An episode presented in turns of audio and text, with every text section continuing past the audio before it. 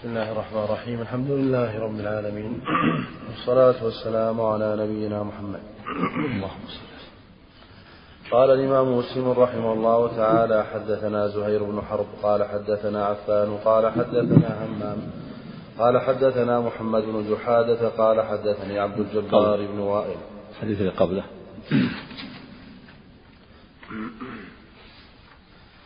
حدثنا أبو بكر قبل. حدثنا علي بن حجر السعدي قال حدثنا علي بن مسلم قال أخبرنا المختار بن فلفل عن أنس بن مالك رضي الله عنه حاء وحدثنا أبو بكر بن أبي شيبة واللفظ له. قال حدثنا علي بن مسهر عن المختار عن أنس رضي الله عنه قال بين رسول الله صلى الله عليه وسلم ذات يوم بين أظهرنا إذ أغفى إغفاءه ثم رفع رأسه متبسما فقلنا ما أضحكك؟ ما أضحكك يا رسول الله؟ قال أنزلت علي آنفا سورة فقرأ بسم الله الرحمن الرحيم.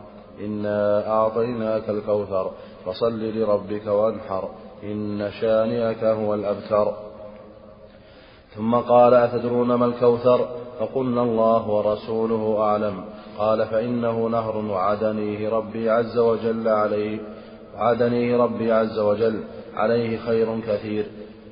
هو حوض ترد عليه أمتي يوم القيامة آنيته عدد النجوم فيختلج, فيختلج العبد منهم. فأقول ربي إنه إنه من أمتي فيقول ما تدري ما أحدثت بعدك. زاد ابن حجر في حديثه بين أظهرنا في المسجد وقال ما أحدث بعدك. حدثنا أبو كريب محمد بن علاء قال أخبرنا ابن فضيل عن مختار بن فلفل قال سمعت أنس بن مالك رضي الله عنه يقول أوفى رسول الله صلى الله عليه وسلم إغفاءه بنحو حديث ابن مسهر غير أنه قال نهر وعدني ربي عز وجل في الجنة عليه حوض ولم يذكر آنيته عدد نجوم عدد النجوم. بسم الله الرحمن الرحيم، الحمد لله رب العالمين، والصلاة والسلام على نبينا محمد وعلى آله وصحبه أجمعين، أما بعد. هذا الحديث احتج به بعض العلماء على أن البسملة آية من أول كل سورة. لأنه عليه والسلام أغفى إغفاءه ثم قال أنزلت عليه سورة. فقرأ بسم الله الرحمن الرحيم. إنا أعطيناك الكوثر. والصواب أن البسملة آية مستقلة. آية مستقلة في أول كل سورة ليست منها إلا سورة براءة.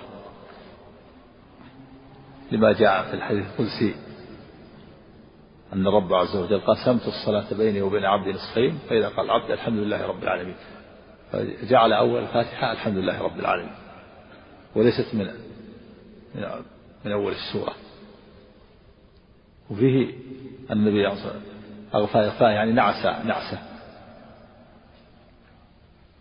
فقال متبسما فيه فرحه عليه الصلاة والسلام بما يعطاه وتعطاه أمة من الخير. فيه إثبات الحوض للنبي صلى الله عليه وسلم. والحوض ثبوت الحوض ثابت في الأحاديث المتواترة فأحاديث الحوض متواترة والأحاديث المتواترة قليلة في السنة. تقارب أربعة عشر حديثا. السنة كلها ثابتة كلها بأخبار الآحاد. وأخبار الآحاد يشمل المشهور والعزيز والغريب. ما لم يصل أحد التواتر يسمى خبر آحاد. وخبر الآحاد على الصحيح إذا اتصل السند و وعدلت رواته وتم ضبطهم وليس فيه شذ ولا علة فإنه يفيد العلم على الصحيح. ويعمل به في في العقائد وفي الأعمال. هذا هو الصواب خلافا لأهل البدع الذين يقولون لا يعمل بالآحاد في في العقائد. قد بوى البخاري رحمه الله باب العمل بأخبار الآحاد.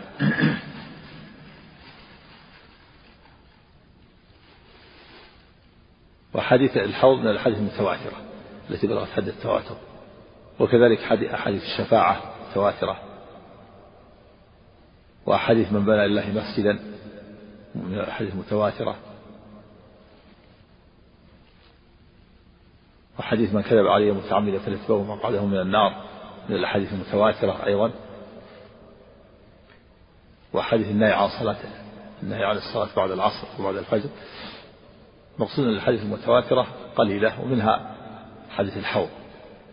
والحوض في موقف القيامة. أوانيه عدد نجوم السماء كما في هذا الحديث وغيره.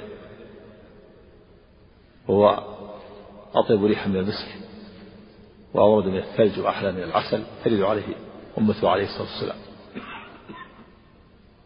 ولكل نبي حوضا كما جاء في الأحاديث الأخرى لكن حوض نبينا صلى الله عليه وسلم أعظمها وأوسعها وأحلاها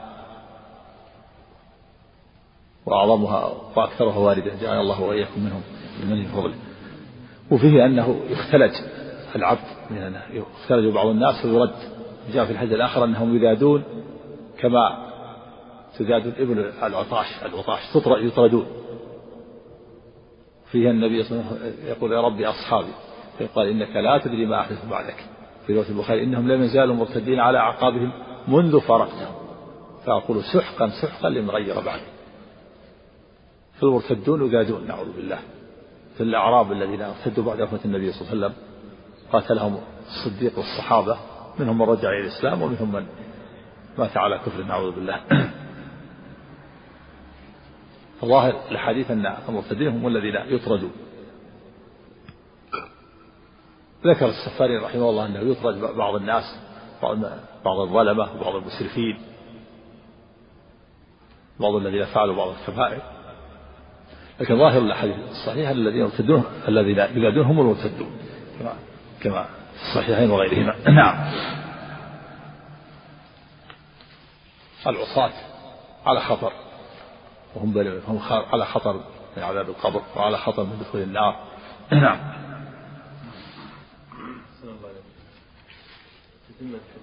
وفيها كذلك نعم حديث من بنى الله مسجدا حديث متواتر أيضا. ها؟ من بنى الله مسجدا بنى الله له بيتا في الجنة. وفيها أن الحوض يسمى نهر قال نهر عليهم ويصب فيه ميزابان من نهر الكوثر. الكوثر نهر في الجنة والحوض نهر في الأرض في موقف القيامة وكل منهما يسمى نهرا.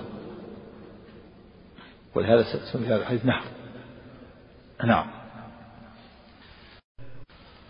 حدثنا زهير بن حرب قال حدثنا عفان قال حدثنا همام قال حدثنا محمد بن جحادة قال حدثني عبد الجبار بن وائل عن علقمة بن وائل ومولى لهم أنهما حدثاه عن أبيه وائل بن حجر رضي الله عنه أنه رأى النبي صلى الله عليه وسلم رفع يديه حين دخل في الصلاة كبر وصف وصفه وصف وصف. همام نعم. وصف. وصف. عندي وصف مكتوب بتشكيل وش بعده؟ رفع يديه حين دخل في الصلاة كبر وصف همام حيال أذنيه ثم التحف بثوبه. وصف عينه؟ نعم طيب وصف. وصف همام حيال اللفظ الآخر وصف رجليه. هذيك نعم نعم. وصف همام حيال أذنيه ثم التحف بثوبه ثم وضع يده اليمنى على اليسرى. فلما أراد أن يركع أخرج يديه من الثوب ثم رفعهما ثم كبر فركع. فلما قال سمع الله لمن حمده رفع يديه فلما سجد سجد بين كفيه. حدثنا زهير. نعم وهذا في فيها رفع اليدين في المواضع الثلاثة عند تكبيرة الإحرام وعند الركوع وعند الرفع منه كما سبق في الحديث السابقة. وفيه أنه يرفع يديه حيال أذنيه. وفي اللفظ الآخر في الأحاديث الأخرى الآخر أنه يرفعهما حذو منكبيه. جاء هذا وهذا وهما نوعان. من السنة الفرية. يرفعهما. حيال أذنيه تكون أطراف أصابعه. حيال أذنيه أو أطراف أصابعه حيال منكبيه. قال بعض العلماء إن إنه يرفعهما فيكون الكف مقابل المنكبين وأطراف الأصابع مقابل الأذنين والأرجح الأول أنه أنهما نوعان من السنة. فله أن يرفعهما إلى حيال أذنيه وله أن يرفعهما إلى حذو منكبيه نعم. وفيه أنه لا بأس أن يغطي يديه إذا كان. يحتاج إلى ذلك. ولهذا أدخل يديه غطى يديه. إذا أحتاج إلى تغطية اليدين بالبرد فلا بأس. فإذا أراد أن يركع كشفهما ثم رفع رفعهما أحد المنكبين. كما في هذا الحديث أنه أدخل يديه فلما أراد أن يكبر رفعهما. نعم.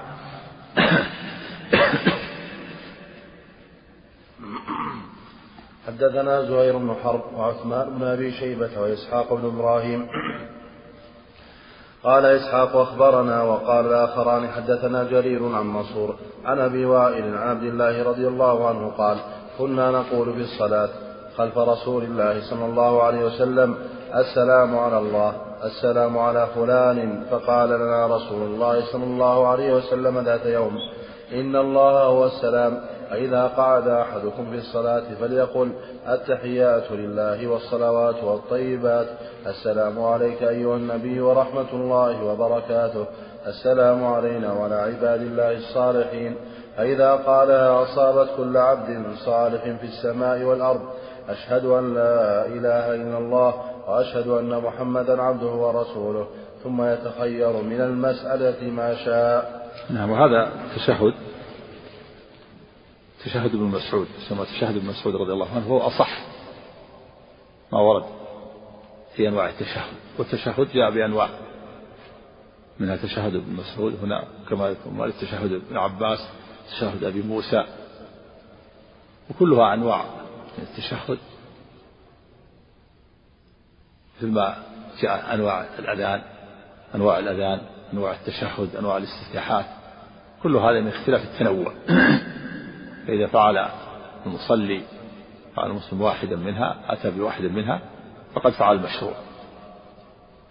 فالتشهدات أنواع. منها تشهد ابن مسعود وهذا أصحها. لأنه لأن ابن مسعود علم قال علمني يصل التشهد كفي بين كفين كما كما يعلم السورة من القرآن.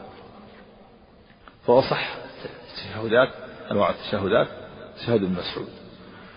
وفيه أن الصحابة كانوا يقول قبل ذلك السلام على الله السلام على فلان السلام على جبريل وميكائيل.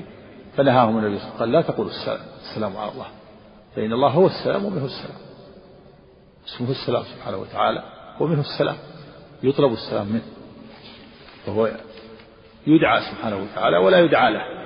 ليس فوقه شيء أحد. ليس فوقه أحد سبحانه وتعالى حتى يطلب منه. وهو سبحانه وتعالى سالم من النقائص والعيوب. فلا يحتاج إلى أحد. وإنما يدعى سبحانه وتعالى ولا يدعى له. ولهذا قال لا تقول السلام على الله. ولكن قولوا التحيات لله والصلوات والطيبات. تحيات جميع التعظيمات ملكا لله واستحقاقا. والصلوات الخمس وغيرها والطيبات الأعمال الطيبة والأقوال الطيبة. لله ملكا واستحقاقا. السلام عليك أيها النبي ورحمة الله وبركاته. بدأ أولا بتعظيم الله عز وجل وتمجيده. و وأنه سبحانه وتعالى له التعظيمات والصلوات والطيبات ممكن والاستحقاق ثم ثنى بالسلام على النبي. قال السلام عليك أيها النبي. يقال في حياته وبعد وفاته السلام عليك أيها وأيها النبي استحضار. أيها باب الاستحضار. ثم يقول بعد يثلث السلام علينا وعلى عباد الله الصالحين. بعد السلام على النبي صلى الله عليه وسلم يسلم على على نفسه وعلى كل عبد. السلام علينا وعلى عباد الله الصالحين. يشمل كل عبد صالح في السماء والأرض. إذا قلت السلام علينا وعلى عباد الله الصالح كل صالح يدخل في هذا. في السماء والأرض من الملائكة وغيرهم. من مؤمن بني آدم من صالح بني آدم وصالح الجن والملائكة كلهم داخلون. السلام علينا وعلى عباد الله الصالحين. ثم بعد ذلك الشهادة لله بالوحدانية أشهد أن لا إله إلا الله وأشهد أن محمدا عبده الشهادة لله بالوحدانية والشهادة للنبي صلى الله عليه وسلم بالرسالة. هذا أصح ما ورد في التشهدات. سيأتي في حديث تشهد ابن مسعود تشهد ابن عباس التحيات المباركات الصلوات الطيبات لله.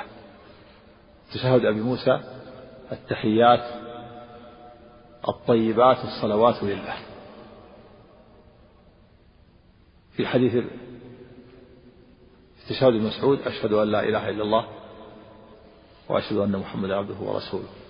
في شهادة ابن عباس أشهد أن لا إله إلا الله وأشهد أن محمدا رسول الله وكلها من اختلاف التنوع الذي يأخذ المسلم يأتي المصلي بواحد منه بنوع من الأنواع. قال ثم يتخير من الدعاء ما شاء. جاء في الحديث الآخر أن الدعاء إنما يكون في التشهد الأخير. وأنه يأتي بعد الصلاة على النبي صلى الله عليه وسلم يأتي بالدعاء يتخير من الدعاء ما شاء. وجاء في الحديث الآخر أنه يستعيذ بالله من أربع والله ما يعوذ من عذاب جهنم ومن عذاب القبر ومن فتنة المحيا والممات ومن فتنة المسيح الدجال.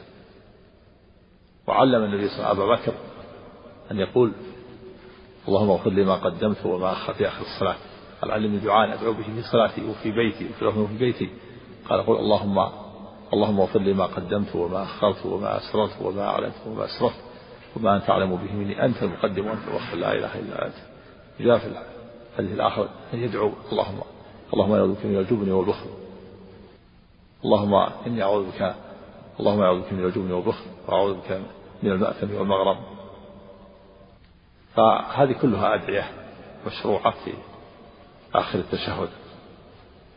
وأعوذ بك من من عذاب القبر ومن رد إلى أرض العمر. يتخير من الدعاء ما شاء لكن يبدأ بالأدعية المشروعة يقدمها. ويتخير من الدعاء ما شاء من خير الدنيا والآخرة. ما لم يكن فيه إثم أو قطيعة رحم. وللناس لهم حاجات. يسأل مالا حلالا. ويسأل زوجة صالحة. يسأل مسكنا طيبا. يدعو بأن ينصره الله على من ظلمه. وهكذا. الناس لهم حاجات. تخيل من الدعاء ما شاء من خير الدنيا والآخرة. لكن يبدأ بالدعاء الوارد. نعم. استحضار النبي صلى الله عليه وسلم نعم. استحضار النبي صلى الله عليه وسلم استحضار. استحضار في الذهن يعني. نعم. ها؟ ذكر الأحاديث النصوص ضم بعضها إلى بعض. ذكر في الحديث الآخر. نعم. الدعاء هنا واجب؟ لا الدعاء مستحب. الدعاء مستحب. الواجب الصلاة على النبي صلى الله عليه وسلم. إلا طاووس فإنه يرى أن طاووس بن كيسان اليماني التابعي يرى أن الاستعاذة بالله من أربع واجب.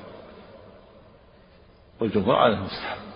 فإنه قال لابنه مرة لما صلى هل استعذت بالله من أربع؟ قال لا. قال أعد صلاتك. نعم. التشهد واجب أحسن عليكم نعم. التشهد واجب. ركن. صحيح ركن من أركان الصلاة. التشهد التشهد الأخير. أما التشهد الأول واجب. نعم. نعم كل شيء. الدعاء في التشهد الأخير. نعم هذا معروف. نعم. نعم حدثنا محمد بن مثنى بن بشار استعيذ بالله من أربع قول النبي صلى الله عليه وسلم لابن عباس نعم.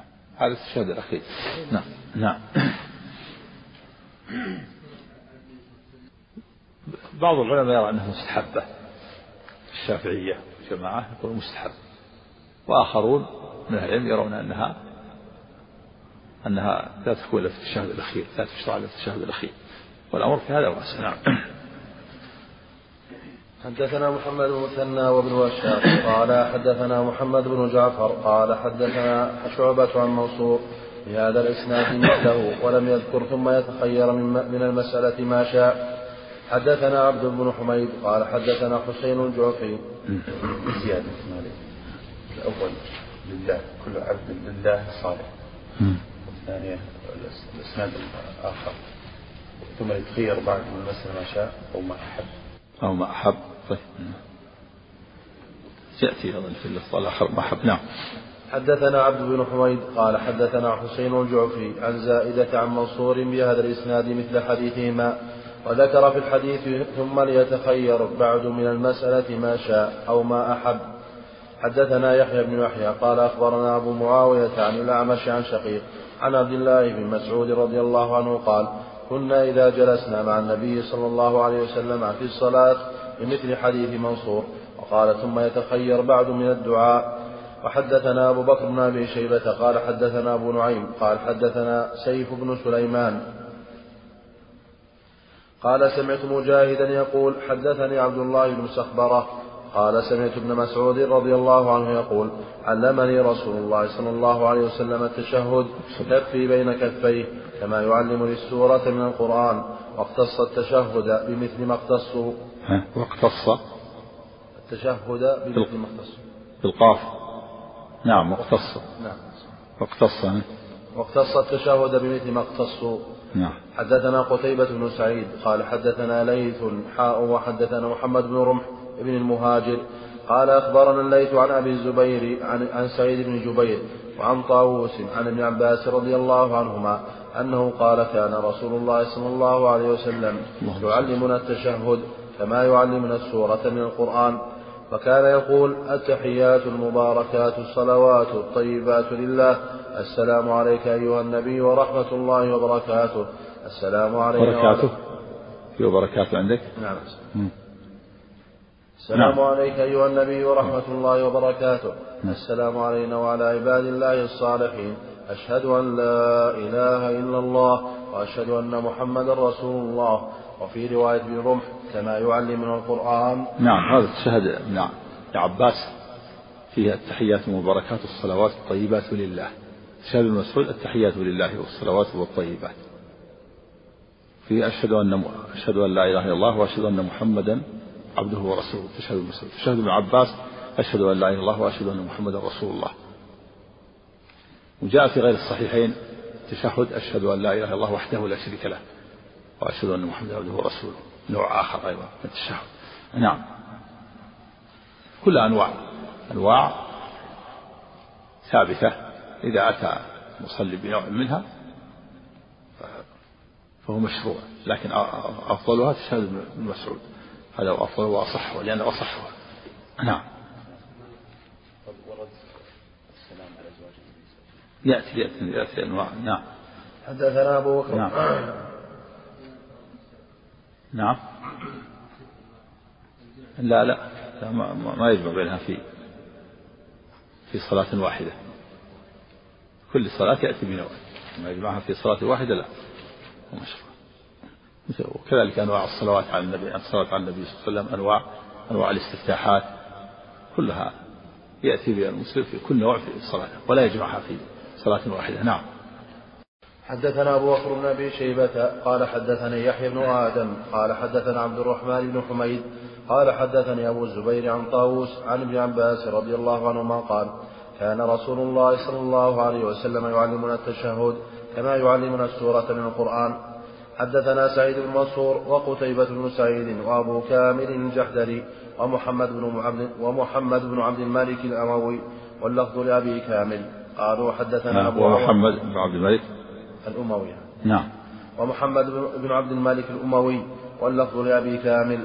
قالوا حدثنا أبو عوانة عن قتادة عن يونس بن جبير عن حطان ابن عبد الله الرقاشي. قال صليت مع أبي موسى الأشعري رضي الله عنه صلاة فلما كان عند القعدة قال رجل من القوم قعدة يعني فتح القاف المرة الواحدة من القعود ومراد التشهد. بخلاف القعدة. بالكسر هي اسم للهيئة. أما القعدة بفتح القاف اسم للمرة الواحدة. مراد القعدة التشهد نعم. قال رجل من القوم أقرت الصلاة بالبر والزكاة. قال فلما قضى أبو موسى الصلاة وسلم انصرف فقال أيكم القائل كلمة كذا وكذا؟ قال فأرم فأرم القوم. ثم يعني سكتوا سكتوا أقرت الصلاة بالبر والزكاة يعني قرنت قرنت بهما نعم. قالها عن جهل. نعم. ثم قال أيكم القائل كلمة كذا وكذا فأرم القوم فقال لعلك يا حطان يا حطان قلتها قلتها. قال ما قلتها؟ ولقد رهبت أن رهبت. يعني خفت. نعم.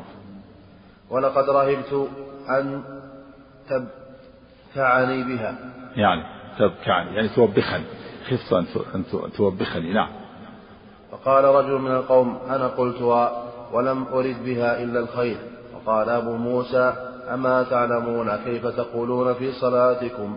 إن رسول الله صلى الله عليه وسلم خطبنا فبين لنا سنتنا وعلمنا صلاتنا. وقال إذا صليتم فأقيموا صفوفكم ثم ليؤمكم أحدكم. فإذا كبر فكبروا وإذا هذا قال عن جهل ولم يأمره بإعادة الصلاة لأنه جاهل يدل على أن من تكلم ناسيا أو جاهلا فهو معذور ولا يعيد الصلاة. كما تكلم معاوية بن الحكم السلمي في صحيح مسلم أيضا. لما لم يعلم أن الصلاة نهي عن الكلام فيها لما جاء وسلم وعطس رجل وشمته سكته الصحابة يضربون بأفخاذهم ثم علمه ولم يؤمر بإعادة الصلاة فدل على أن الجاهل إذا تكلم الصلاة ناسيا أو جاهلا فإنه معذور. يقول أقيموا صفوفكم فيه دليل على مشروعية تسلية الصفوف والأصل في الأوامر الوجوب وإن كان عند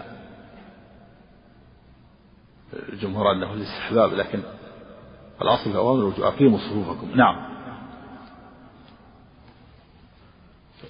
نعم. قال أقيموا صفوفكم نعم.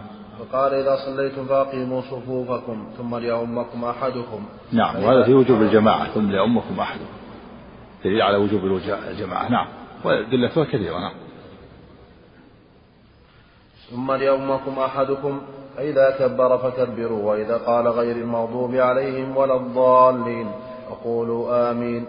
يجيبكم الله. نعم وهذا في مشروعية قول آمين بعد الضالين. وأنه من أسباب الإجابة ولهذا قال يجيبكم آمين يجيبكم الله. الحديث الآخر مرافقة تأمين وتأمين الملائكة غفر له. وإذا كبر الإمام فكبروا ألفا للتعقيب فيه مشروعية تكبير الإمام المأموم عاقب تكبير الإمام وأنه لا يكبر قبله ولا معه بل بعده. إذا كبر فكبروا. وفيه أنه لو لو كبر المأموم قبل أن ينتهي الإمام من تكبيرة الفاتحة ولو بقي عليه حرف منها لا تنعقد صلاته وهذه مسألة مهمة لأنه قد يطيل بعض الأئمة يقول الله أكبر تكبيرة الإحرام. ثم يكبر المأموم بعض المؤمنين بعد ما يكبر فينقطع صوت المأموم قبل أن ينتهي صوت الإمام لأن الإمام أطال التكبير المد والمأموم اختصره على هذا لا تنعقد صلاته وإذا كبر فكبروا. لأنه نوى الائتمام بمن لم تنعقد صلاته الإمام من عقد ما تنعقد صلاته حتى ينتهي من التكبير. والمأموم نوى الائتمام بمن لم تنعقد صلاته فلا فلا تصح. إذا كبر فكبروا. بفعل التعقيب تكبير المأموم يكون بعد تكبير الإمام. لا قبله ولا معه. نعم. وإذا قال غير المغضوب عليهم ولا الضالين فقولوا آمين. يجيبكم الله. فإذا كبر وركع فكبروا واركعوا. فإن الإمام يركع يركع قبلكم ويرفع قبلكم. فقال رسول الله صلى الله عليه وسلم الله. فتلك بتلك. فتلك بتلك يعني. تلك يعني تقدم الإمام كون يركع قبلكم بتلك.